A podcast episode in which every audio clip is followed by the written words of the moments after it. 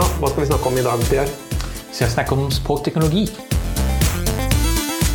Dette er sannsynligvis viktig. Hva er eh, språkteknologi, Pierre? Eh, Så språkteknologi er et, eh, et slags paraplybegrep for en, en god del teknologiske løsninger innen informatikk. Og det som er felles, at det er teknologi som behandler språk i en eller annen form. Så man kan tenke på talgjenkjenning, Det å transkribere eh, fra tale til tekst. Transkribere, det betyr Det betyr å skrive ned. Ja, Eh, som man eh, bruker f.eks. til eh, som en del leger som bruker det til å diktere hva de, de ser, og istedenfor å skrive det ned selv. Eh, det er også eh, oversettelse, såkalt maskinoversettelse. altså Det er ting som Google Translate eller Bing Translate. det det å oversette fra et språk til en annen. Eh, også enkle ting til, som stavekontroll. Eh, vi bruker hele tiden i Microsoft Word. Eh, også informasjoninnfinning, eh, Google-søk. Altså Det er også en språkteknologisk anvendelse. Det å finne det man leter i store mengder tekster. Og ikke minst interaktive systemer som Siri for eksempel, eller Alexa. Som man kan kommunisere med ved hjelp av språk. Ja, og det er jo det vi skal prøve på nå. Kommunisere ved hjelp av språk om språkteknologi. Ja. Um, og du heter Pierre Lisot og er seniorforsker her på Norsk Grensesentral. Og så har du en annen stilling på Institutt for er en tostilling, ja. Ja.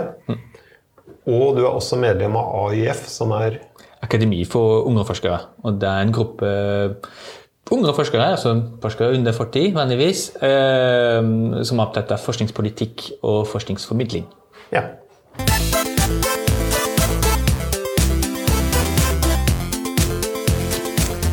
Eh, Jeg har slått opp på Wikipedia eh, for å finne litt bakgrunnsstoff. Jeg har også slått opp andre steder. Og et, dette med språkteknologi det kalles jo ofte NLP. Ja. på engelsk, som står for Natural Language Processing. ja, og Er NLP det samme som språkteknologi, eller er det mer eller mindre? Ja, det kommer an på hvem du spør, men eh, jeg, jeg bruker det som synonym. Uh, fordi også det er ikke noen god oversettelse på norsk til altså naturlig språkprosessering. Det høres veldig dårlig ut. Eh, språkteknologi er kanskje litt mer anvendt. Altså Man har fokus på den teknologi og ikke nødvendigvis de vitenskapelige spørsmål. Men det er hovedsakelig det samme. Ja.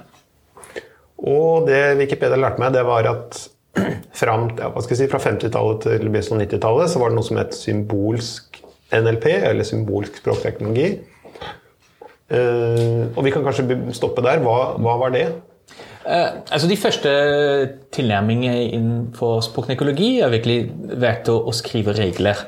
F.eks. hvis man tenker på eh, oversettelse, eh, kan man tenke å skrive noen regler for å oversette fra, fra tysk til, til norsk.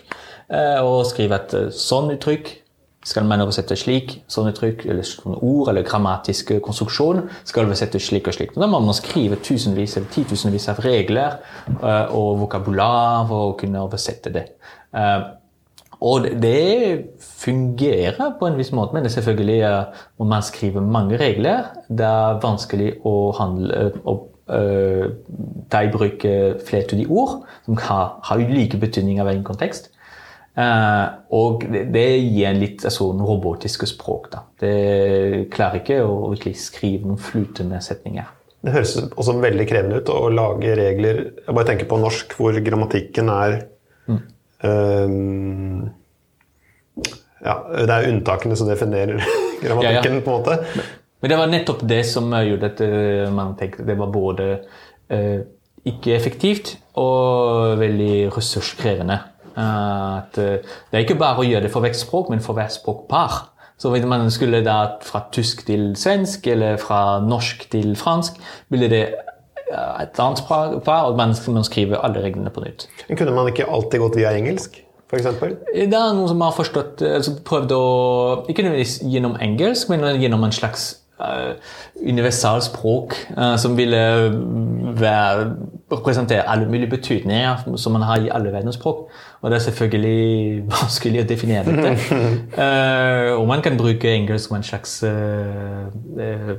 mellomvei, men det er ikke, det er ikke en én-til-én-oversettelse fra et språk til en annen. Uh, språk er veldig komplisert, og de, de, ser på verden på en bestemt måte. Uh, og derfor blir det, er det vanskelig å bruke noe som er imellom. Ja, og det, det, her med regler jeg bare synes, eh, Vi skal komme litt tilbake til det. Eh, jeg skal prøve, i hvert fall. Men eh, så utover 90-tallet og fram til i dag så har det skjedd veldig mye i språkteknologi. Mm -hmm. Eh, og hva er det som har skjedd? Det, det som har skjedd er eh, at uh, Istedenfor å bruke disse mer regelbaserte systemer, har vi virkelig uh, begynt å utvikle datadrevne systemer. Så uh, Istedenfor å lage grammatiske regler, tok vi store mengder oversettelser, f.eks. Uh, fra engelsk til, til, norsk eller tysk til norsk. Og da er det oversettelser som på en måte tradisjonelle har ja, gjort, f.eks.? Nettopp. Ja. F.eks. Uh, for europeiske språk har man alle oversettelser som kommer fra EU. Diskusjon i det europeiske parlamentet eller juridiske tekster som må oversettes i alle europeiske språk innenfor EU. Og da har man veldig store tekstsamlinger.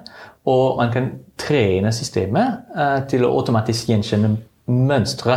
Altså at slike ord oftest oversettes uh, med et bestemt ord i, et annet språk.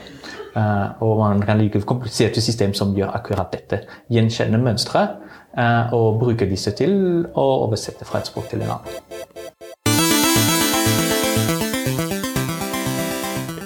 Um ja, og hvorfor, hvorfor, skjedde det? Hvorfor begynte Hvorfor tok det den veien? Hva, hva skjedde på 90-tallet, eller hva skjedde på 2000-tallet? Hvorfor Altså, en, en, eh, selvfølgelig viktig årsak at vi har fått kraftigere maskiner som er i stand til å lage disse, gjøre disse beregninger.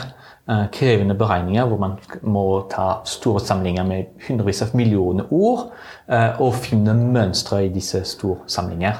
Uh, og I tillegg har man fått også noen teoretiske uh, forbedringer i altså hvordan vi, får, vi vet disse algoritmene skal utvikles, uh, og hva disse modellene hvordan man kan utvikle disse modellene.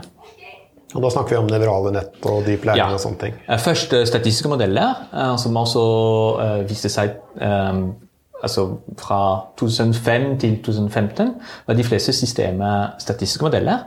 Og Google Translate begynte som en statistisk modell. Uh, og vi, hvis man husker hvordan disse systemene fungerte det var, Oversettelse var fremdeles hadde en del problemer, uh, men det var mye bedre enn systemene man hadde fra før. Ja, det var jo kjempeimponerende, ja. egentlig. For, ja. og, og, disse neuralmodellene er en videreutvikling av det. Så hovedideen er akkurat det samme. Man, er, man bruker store tekstsamlinger til å finne mønstre at systemet som brukes til å finne mønstre, er mer komplisert, um, har mange prosesseringslag, men hovedideene er det samme. Finne mønstre fra tekst. Et sånn populært eksempel på hva språkteknologi gjør i dag, er at det går an å regne på ord. Jeg skal nå gi deg et regnestykke, og så kan du prøve å forklare hva som skjer. Mm. Så jeg tar konge, ordet konge, så trekker jeg fra mann, og så legger jeg til kvinne. Mm. Og da får jeg dronning. Nettopp. ja. Hva, hva, skjedde nå? Ja, så um, Neurale nettverket forstår ikke ord i seg selv. De må representere alt gjennom tall. Uh, uh, og en måte å gjøre det, det er å forvandle uh, ord, eller språklige konstruksjoner, i numeriske verdier. og det kalles ordvektorer, fordi det er en vektor med f.eks. 300 numeriske verdier. Men disse verdier trener på store tekstsamlinger også. Uh, og når man gjør dette, har man uh, vektorer man kan sammenligne med andre vektorer. Uh, så lange lister av tall som kan, være, kan sette sammen eller subtrahere. Kan man gjøre alle vanlige operasjoner. Og det vi, vi ser som er interessant, at disse vektorene har lært seg en, så litt av ordets betydning eller semantikk Eh, det som kalles. Eh, det er f.eks. at eh, en konge er en mannlig som også er øverste lederen i en, en stat. og hvis man tar en, en, kvinnelig form av dette, får man en dronning. Eh, men som dere har sagt, er det en veldig overfladisk eh, representasjon av betydning. eh, Som kun er basert på tekstsamlinger. Ja, og som, men som er, virker jo imponerende, da. Ja, ja. Ja.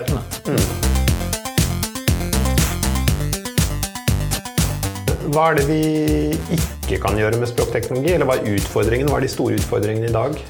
Eh, altså en, en stor utfordring er at eh, vi har behov for store datamengder for å få virkelig en god ytelse i disse modellene. Og Det er ikke nødvendigvis et problem for Google, som har tilgang til masse data, og som må være fokusert på, på engelsk, amerikansk engelsk først. Men når man skal eh, bygge en lignende anvendelse på norsk med et veldig tynt datagrunnlag, eh, og kanskje ikke noen markerte data i det hele tatt, er det et helt annet problemstilling. Og da trenger man virkelig å prøve å å legge, sette sammen også kunnskap som man har fra før, eller bruke andre datakilder til å få systemet til å fungere. Eh, og i tillegg, eh, noe som er kanskje like viktig, er det vanskelig å kontrollere hva de systemene egentlig gjør.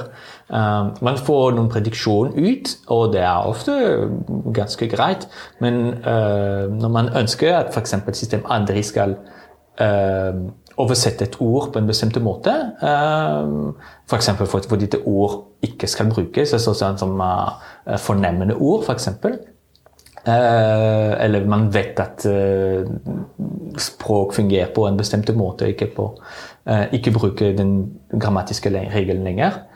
Det er vanskelig å sette inn slike kunnskap i en neuralt nettverk.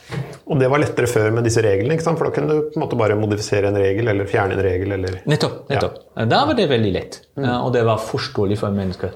Nå, de store språkmodellene som brukes, det er, det er veldig vanskelig å forstå hva de, hva de, har lært, eller hva de ikke har lært. Mm. Går det an å kombinere den gamle og den nye måten å kunne bruke disse reglene inn i ja, det, det, er nettopp hva mange forskere prøver å gjøre akkurat nå. Det å, å, å kunne uh, kombinere det mer symbolske res resonneringssystemet som man hadde fra før, uh, med dype neurale modeller. Og det er, det er, veldig spennende, men også veldig vanskelig.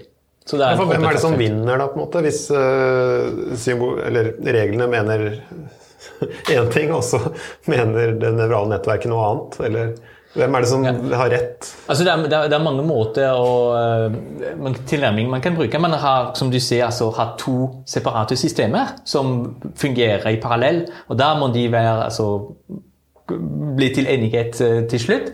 Uh, men Man kan også prøve å kun bruke neuralt nettverk, men å integrere kunnskap man har fra reglene, inn i dette nettverket.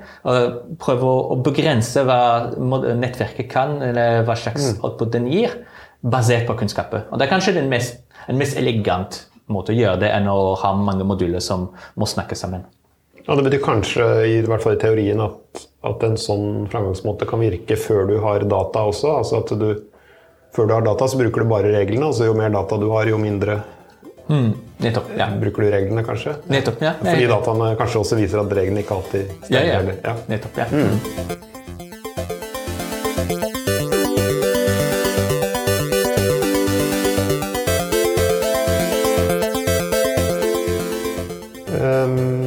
Kan gjøre, da? For nå har vi snakka litt om hva vi ikke kan gjøre, og det skal vi forresten snakke om mer i neste episode. Mm. Hva som er utfordringer, men hva er det vi kan, hva får vi til? Vi er veldig flinke til å eh, gjenkjenne virkelig kompliserte mønstre. Altså mønstre noen ganger som man ikke selv er, som, som, som menneske vil klare å gjenkjenne eller oppdage. Uh, så hvordan et ord i konteksten vil ha en liten påvirkning til betydning av et annet ord. Uh, så det er de flinke til. Og de er veldig flinke til å bruke gigantiske tekstsamlinger.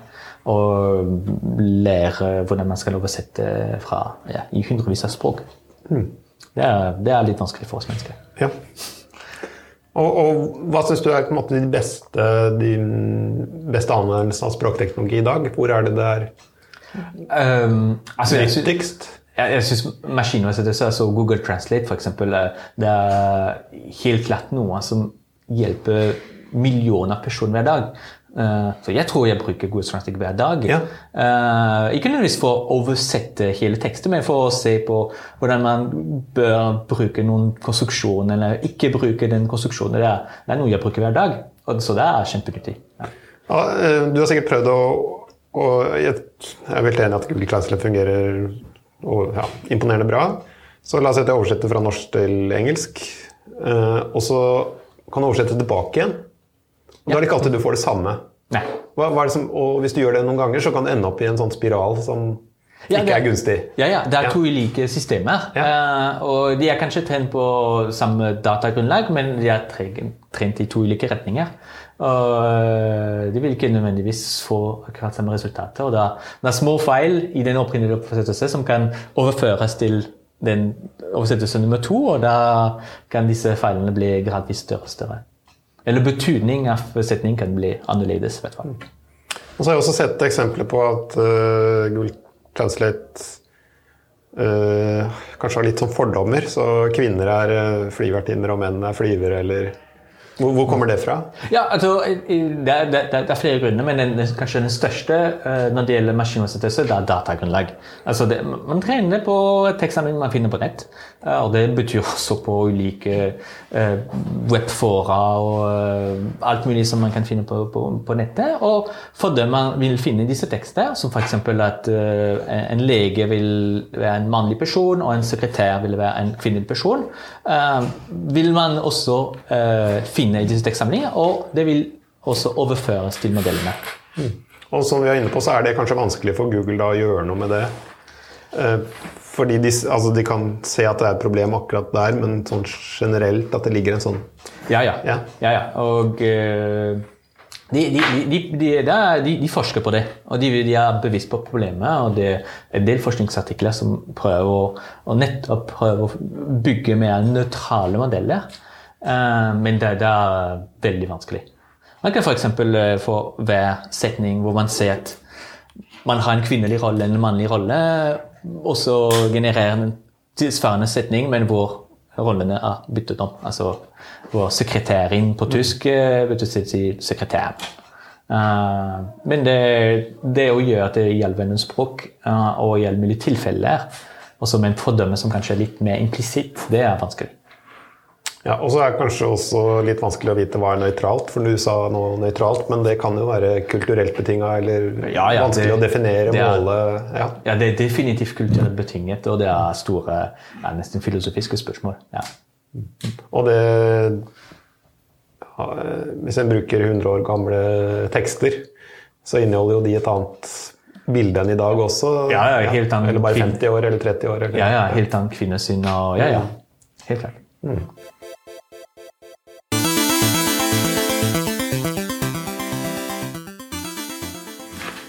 Ehm, ja, hvis vi skal oppsummere, da, hva er språkteknologi?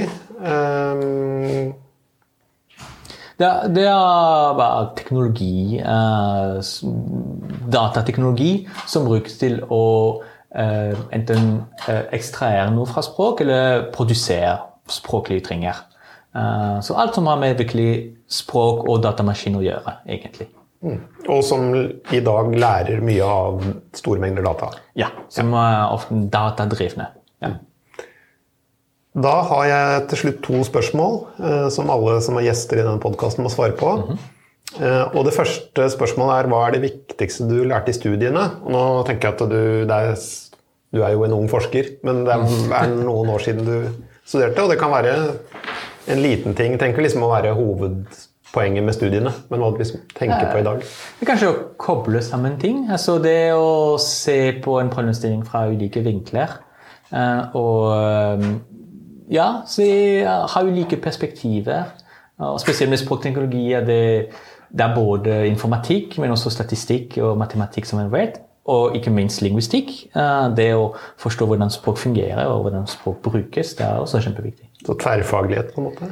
Ja, uh, og dessverre det har vært kanskje litt mindre tilfelle i siste, for det var ikke litt maskinlæring som har vært en dominerende fag. Uh, men det er, det er viktig å fortsatt huske at språkteknologi handler om språk. Bra. Og det siste spørsmålet. Hva er det viktigste du har lært i livet? Eh, mm, kanskje være fleksibel og være bevisst på at liv kan ta uforventede vendinger. Det høres ut som en god leveregel. Takk for at du kom eh, hit til oss. Takk, takk. Dette er en podkast fra Norsk Regnsentral.